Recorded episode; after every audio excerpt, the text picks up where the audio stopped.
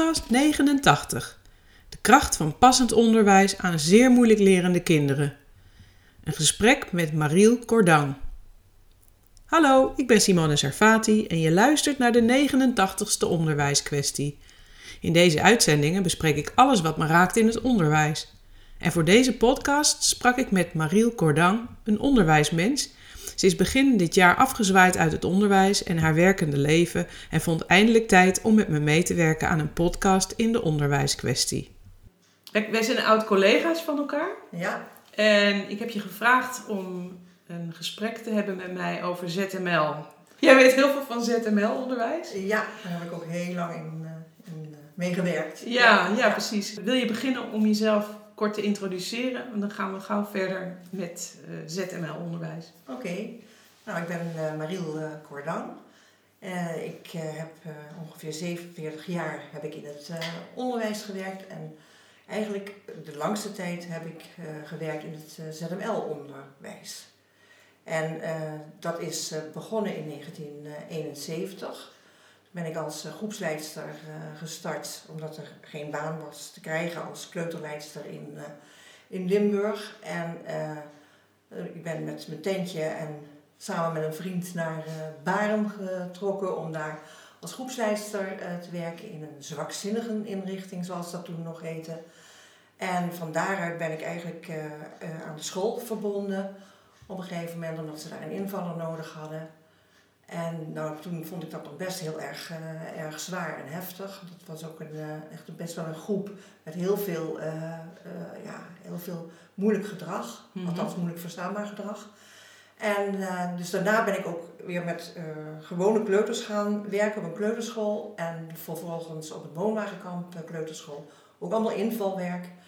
En ja, het is heel gek, maar als je eenmaal met zeer moeilijk leren hebt gewerkt, dan trekt dat toch weer uh, enorm. En uh, ik ben daarna, uh, heb ik twee jaar als spelleidster gewerkt en speltherapeute uiteindelijk op Dennendal, het oude Dennendal, waar dat enorme conflict toen was. En daarna ik, dacht ik, ik ga nooit meer in inrichtingen werken en ben ik op een ZML-school gestart. En dat heb ik heel lang gedaan, 27 jaar. En die ervaring op alle groepen en als interne begeleider, als adjunct-directeur, hebben mij, uh, uh, en met, met alle interesses die ik daarbij had en de dingen die ik iedere keer weer wilde ontwikkelen, uh, samen met de directeur en samen met collega's, hebben mij uiteindelijk zoveel ervaring gebracht dat ik werd gevraagd bij SLO om daar te komen werken. En toen heb ik de stap gemaakt om ook maar te vertrekken op de school en te gaan werken voor de stichting Gewoon Anders.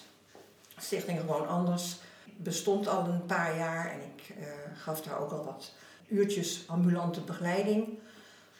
Maar uh, ik ben daar toen echt uh, in dienst gegaan en ja, uiteindelijk is dat weer doorgelopen in een functie bij passend onderwijs. En, ik ben, heb mijn carrière afgesloten als adviseur begeleiding onderwijs bij passend onderwijs Almere. Mm -hmm. En als ontwikkelaar en onderzoeker bij de Stichting Leerplanontwikkeling, ook wel het SLO genoemd. Ja.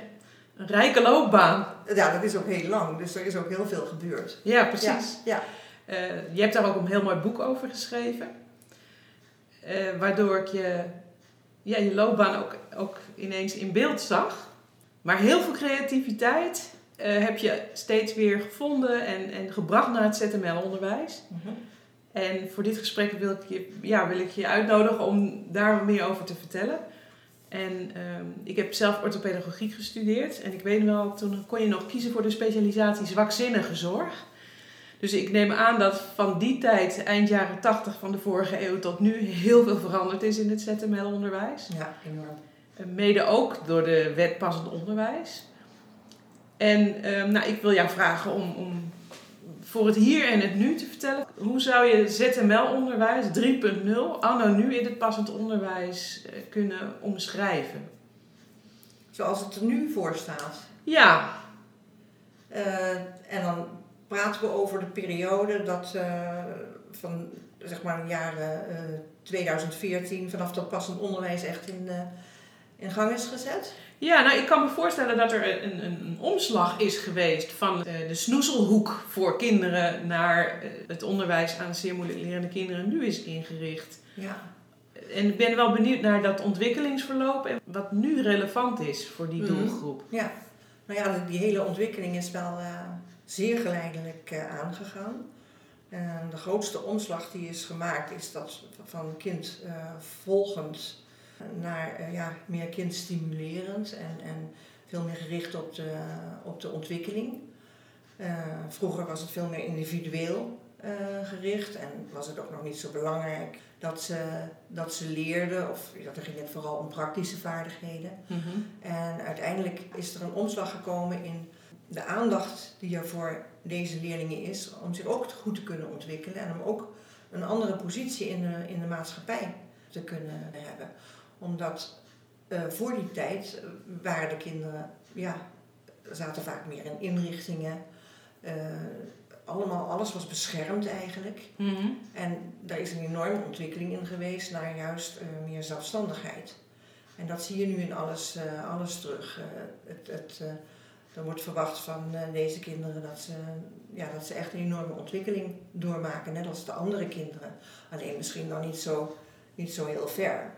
Maar eh, er wordt wel alles aan gedaan om, eh, om deze kinderen nu zo, zo eh, breed mogelijk te ontwikkelen.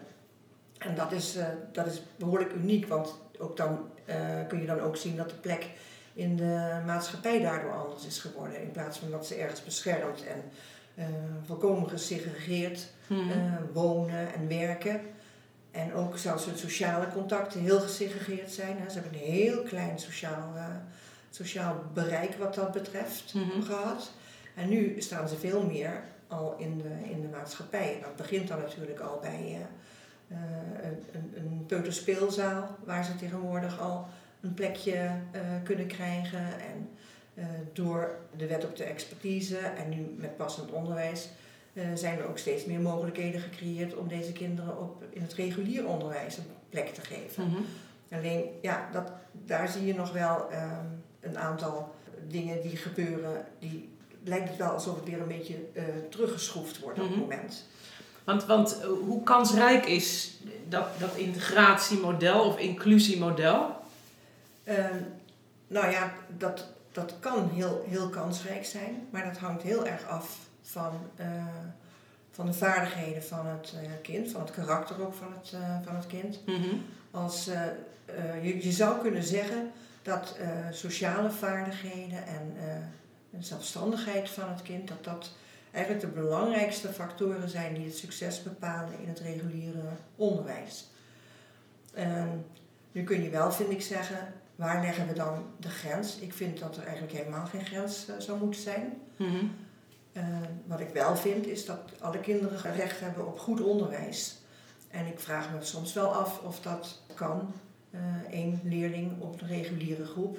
En dan praat ik dan over een kind dat bijvoorbeeld niet zo sociaal is en niet Mhm. eh, de wil heeft om ergens bij te horen en niet eh, zelfstandig kan zijn.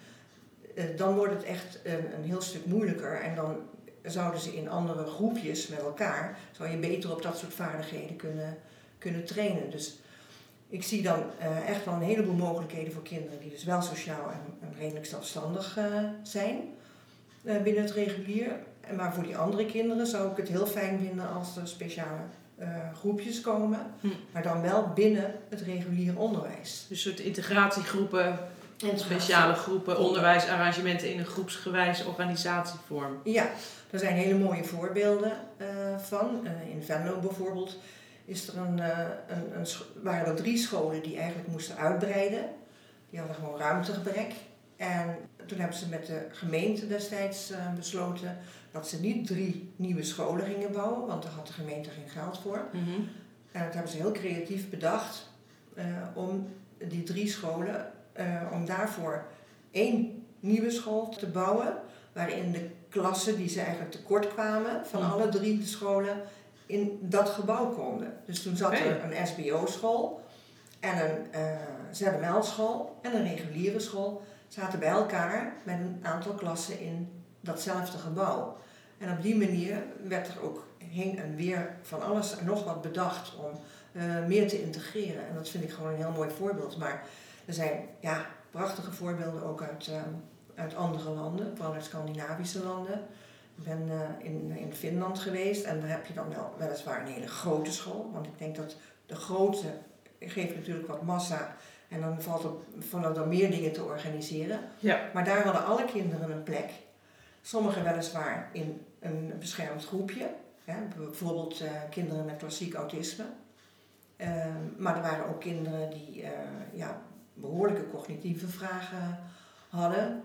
En eh, die zaten met een wat extra assistentie vaak in een groep. Maar dan zaten daar bijvoorbeeld vier eh, kindjes met een, een behoorlijke achterstand in een regulier groepje. Mhm. Maar die kregen dus eh, wel extra, extra hulp. En zo waren er allerlei dingen bedacht. Daar waren trouwens ook snoezelruimtes hoor. Daar- Dus die waren er dan ook. Maar iedereen had daar gewoon een, een bepaalde plek. En er gebeuren op het moment, en dat is toch altijd het mooie van eh, dit soort ontwikkelingen als passend onderwijs, dat er toch mensen zijn die iedere keer toch weer iets nieuws bedenken om toch die integratie voor elkaar te krijgen. Een Ja. mooi voorbeeld daarvan is eh, bijvoorbeeld de klas op wielen eh, in de provincie Noord-Holland. Mhm.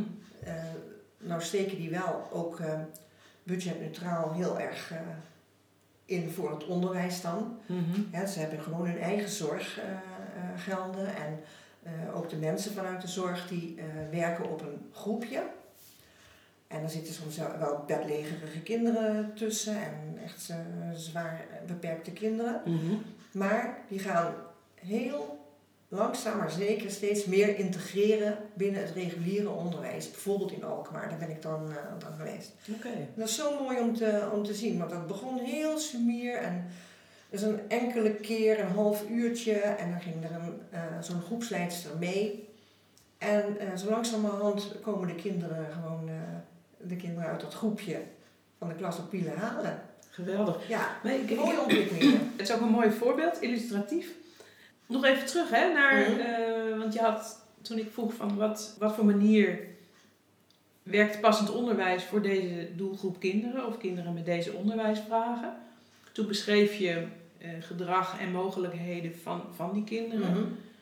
Maar ik denk dat het ook wat vergt van de onderwijsorganisatie waar, waar ruimte gezocht wordt Ja. voor, deze kinderen. Wat is daar nodig? Wat zijn de schoolkenmerken, eh, als het ware, die, die van belang zijn om goed passend onderwijs te kunnen geven eh, voor deze onderwijsbehoeften? Misschien is het dan eh, illustratief om wat voorbeelden te noemen uit Almere. Hier was voorheen helemaal geen speciaal onderwijs. Hè? De kinderen kwamen in het eh, basisonderwijs terecht.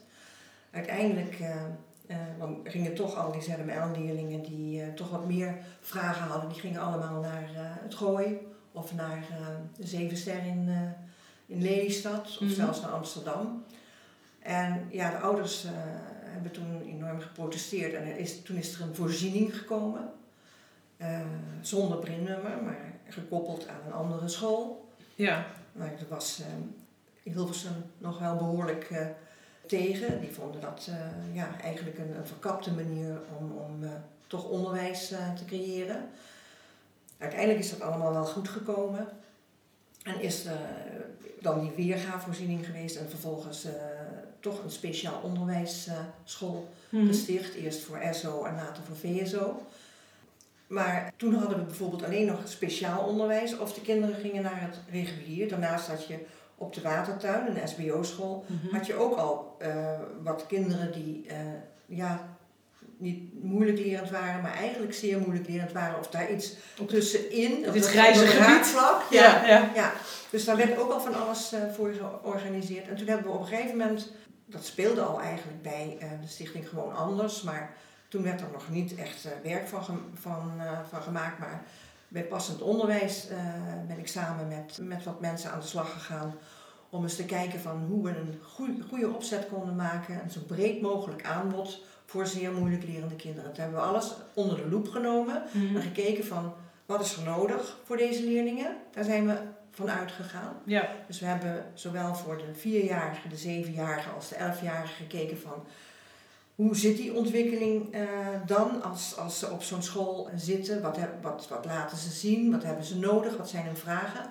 En wat zou de school dan in huis moeten hebben om, om deze vraag te kunnen, kunnen beantwoorden? Want we realiseren ons wel dat het niet mogelijk is, nog gezien politiek en noem het maar op, om dat allemaal op één school te gaan krijgen. Dat, uh, dat, dat je al die kinderen uh, binnen één school dat zou kunnen bedienen.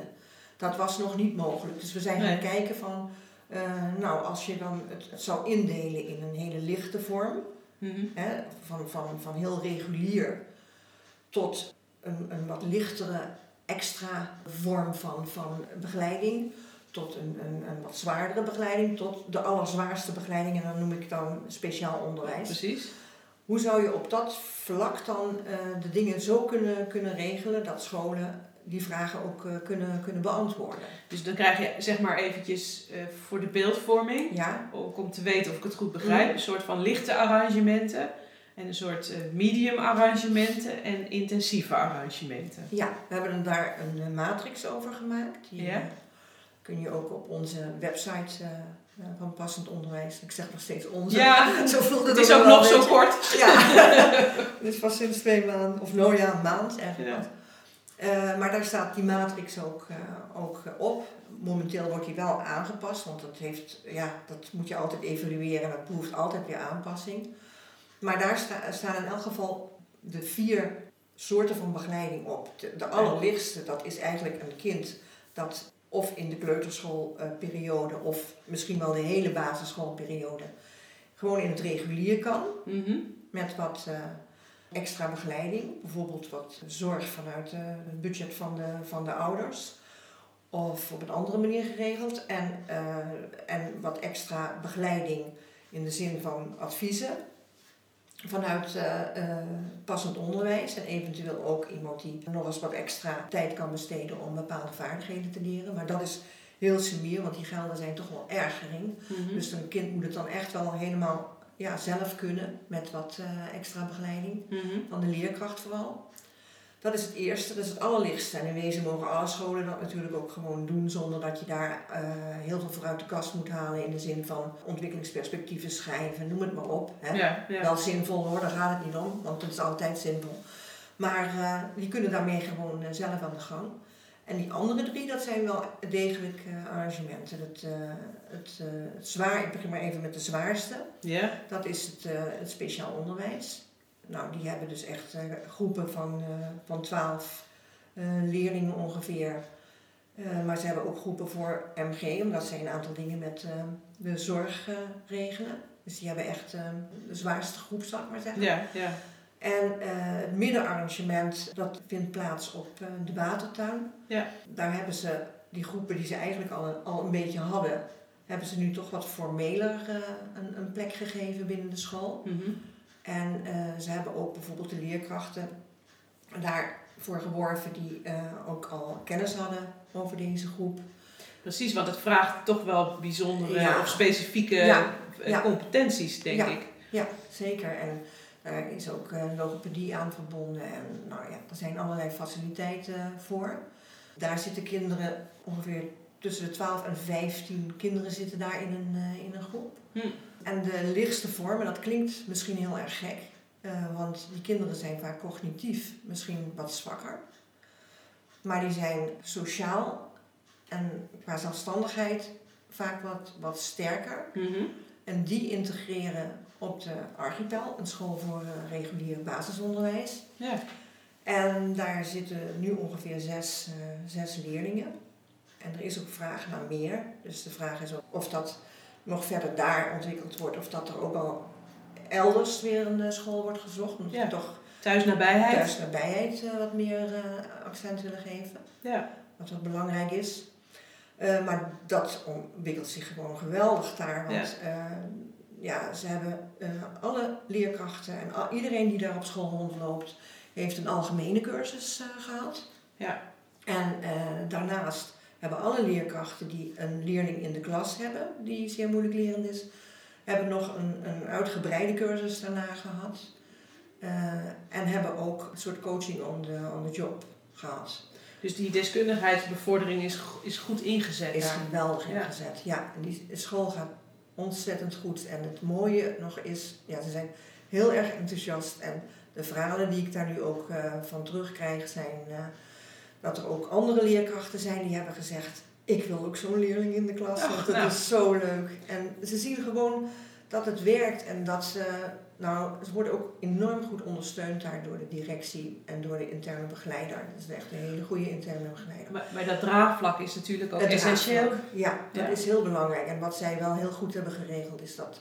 Ehm, het is een hele grote school. Dus Mhm. dan kun je natuurlijk ook wel wat meer. Hè? Wa- Wat is een hele grote school in Almere op dit moment? Eh, ik geloof dat ze iets van eh 30 klas hebben of zo. Ja, dat Ja. is wel. Ja, dat is echt heel groot. Het is een grote school die echt eh, heel wat meer kan organiseren. En wat zij dan ook hebben gedaan, een hele slimme zet, is ehm, de klasse waar een leerling in komt die heel veel extra aandacht vraagt, om die opzettelijk kleiner te houden. Oké, dus dat houden ze rekening met het leerlingaantal in de groep. Ja, dus de andere groepen hebben daardoor één of twee leerlingen extra. Dat betekent wel dat dat ook heel goed gecommuniceerd moet worden binnen de school. Ja. Dat je geen scheve ogen krijgt. Ja, maar heeft de archipel wel al een hele lange traditie, hè? een Ja. lange ervaring.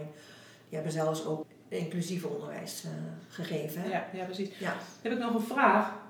In Almere zijn destijds, en dan praat ik over eind jaren 90, begin jaren 2000, eh, had je ook speciale groepen voor kinderen met eh, taalontwikkelingsstoornissen, maar ook voor kinderen die zeer moeilijk leerden.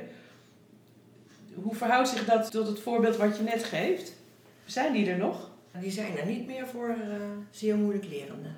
Nee, Want, want dat waren ook al geïntegreerde vormen voor eh, deze doelgroep Ja. binnen het reguliere onderwijs. ja. Ja, ze zijn er nog wel voor eh, taalontwikkelingsstoornissen Ja, en ook voor gedragsproblematiek. klopt. maar niet meer voor eh, ZML. Het is eh, begonnen met het, het verminderen van die groepen door de leerlingenaantallen in de groepen. Dat werd echt veel te kostbaar. Ja. Er zaten op een gegeven moment nog maar drie, vier leerlingen in een groep. Dus dat, Terwijl het nu zo'n succes is op, op de archipel. ja, maar het trekt ook weer aan. ja. ja. Ehm, wat er toen gebeurde was dat die twee groepen die er op een school waren, werden samengevoegd. Dus toen zaten daar kinderen bij elkaar van 4 tot, eh, tot eh, 12, 13 jaar. En destijds waren er ook nog twee andere scholen die ook twee ZML-groepen hadden. Mhm. Maar ook bij een van die twee gebeurde eigenlijk een beetje hetzelfde.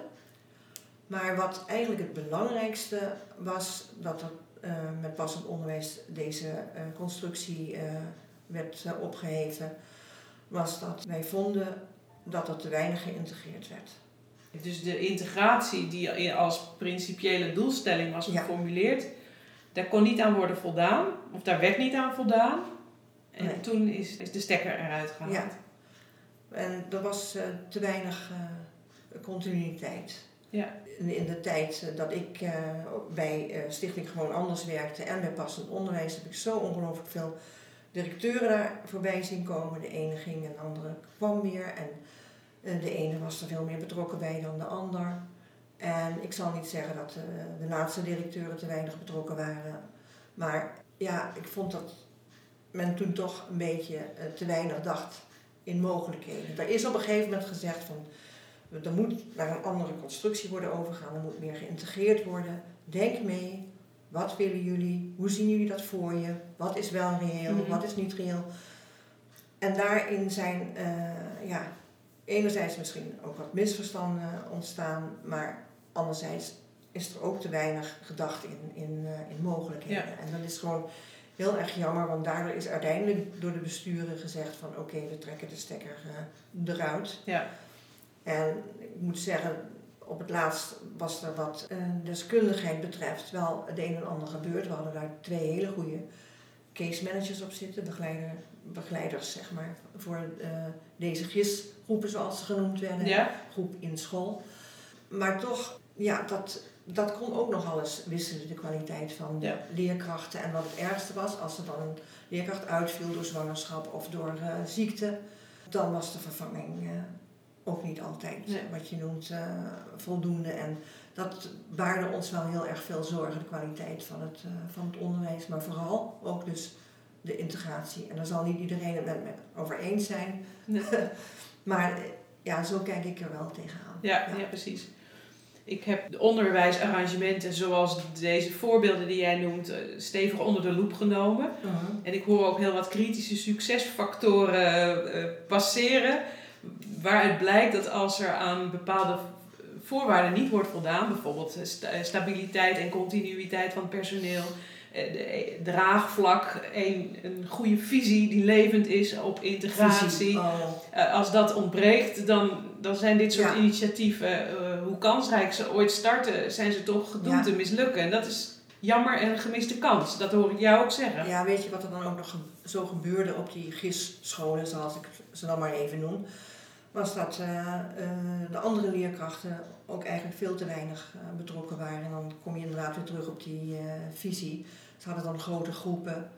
Met het gevolg dat ze ook geen ruimte hadden voor integratie. En nou ja, van het een kwam het ander.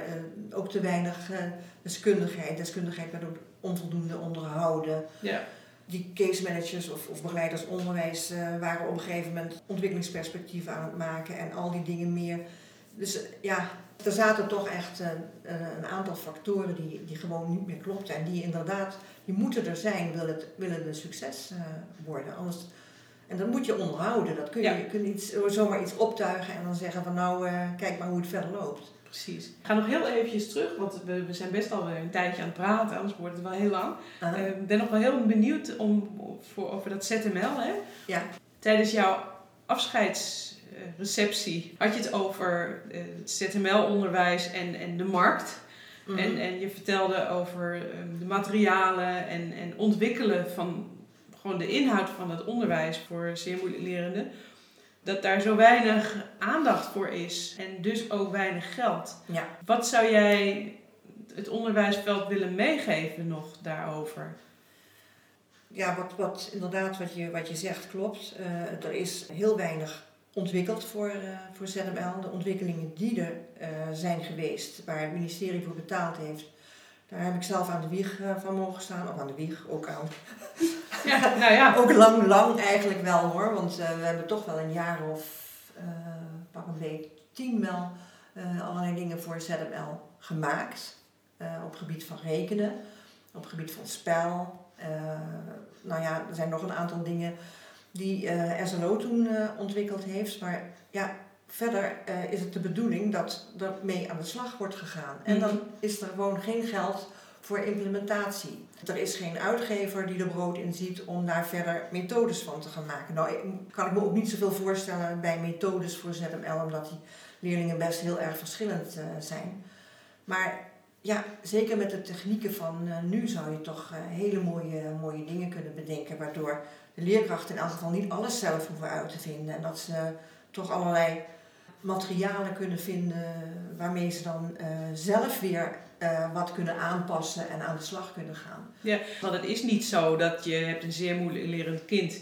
eh, ook als die, als die 13 is, is hij nog zeer moeilijk lerend. Maar dat wil niet zeggen dat je kleutermateriaal gaat gebruiken. Nee, precies. Ik vraag me af of dat in de beeldvorming wel heel duidelijk is voor, voor iedereen.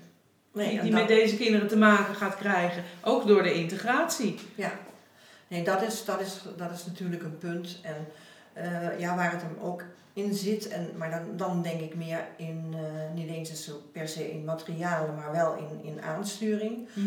Eh, heel veel materialen die wij gewoon in de dagelijkse praktijk gebruiken, maar ook in de dagelijkse praktijk van de scholen. Dus het, het, het ontwikkelingsmateriaal kan natuurlijk gebruikt worden voor deze leerlingen. Mhm. Alleen moet je daar altijd weer mee proberen om in de belevingswereld van deze leerlingen te komen, maar ook in de context. Dus hoe meer je gewoon aansluit bij bepaalde dingen die, die eh, interesse bij ze hebben, Ja. hoe beter je daarop kunt, eh, kunt aansluiten. En eh, daar kun je dus ja, eigenlijk alles voor, voor gebruiken. Als het maar betekenisvol Als is. het maar betekenisvol is. Ja. En daarom vind ik het ook zo belangrijk dat speciaal onderwijs ook vaak, zeker vroeger, werkte in, in projecten. En wat dat betreft zou ik het hele onderwijs dat gunnen. Want eh, dat projectmatige werken eh, in thema's, Mhm. dat is zowel voor hoogbegaafde leerlingen goed als voor, voor ZML-leerlingen. Omdat dat veel meer in die belevingswereld zit van, van kinderen en daardoor Mm. ook veel meer betekenisvol eh, eh, wordt. En daar kun je natuurlijk heel veel aan ophangen. En er zijn al scholen daarmee bezig. Eh buiten Burgt hier Ja. er zijn wel enorm veel scholen die dat wel ingezien hebben dat dat belangrijk is. En dat kan je dus zowel voor de ZML'er als voor de hoogbegaafde kun je daar eh, iets mee. Alleen ja, voor de ZML'er is er gewoon heel weinig materiaal of te kinderachtig. Ik denk wel dat leerkrachten altijd daar, dus ook, ook voor kinderen die in het regulier zitten, daar creatief mee aan de slag moeten hoor. Want naar mijn idee is het het mooiste, of het nou een ZML'er is of een hoogbegaafde, dat je weet wat de ontwikkelingslijnen zijn voor Ja. de verschillende vakgebieden en voor de verschillende ook emotionele eh, ontwikkelingen en dat soort dingen. En dat je dat als aankomend leerkracht eh, steeds beter eigenlijk in, in, in je hoofd moet eh, hebben. En dan kun je overal materiaal bij vinden. En dan wordt het onderwijs naar mijn idee ook een, stuk, een stuk leuker. En zinvoller. Alle kinderen hebben recht op onderwijs. En daar moeten we gewoon keihard aan werken met z'n allen. Nou, dankjewel voor deze meeslepende woorden. Tot zover deze uitzending van mijn gesprek met Mariel Cordang. Wil je reageren of heb jij een onderwijskwestie die je met mij wil opnemen? Stuur dan een mailtje naar simone.sarfati.nu. Als je het interessant vond, deel deze podcast dan of abonneer je op de onderwijskwestie. Wil je met mij werken aan passend onderwijs met het ontwikkelen van het fundament van jouw onderwijsarrangement? Neem dan contact op voor een afspraak. Weet dat ik het waardeer en weet ook dat je meer informatie over onderwijsarrangementen kunt vinden op mijn website www.sarfati.nu. Sarfati met PH en IE. Met een hartelijke groet en tot passend weerziens.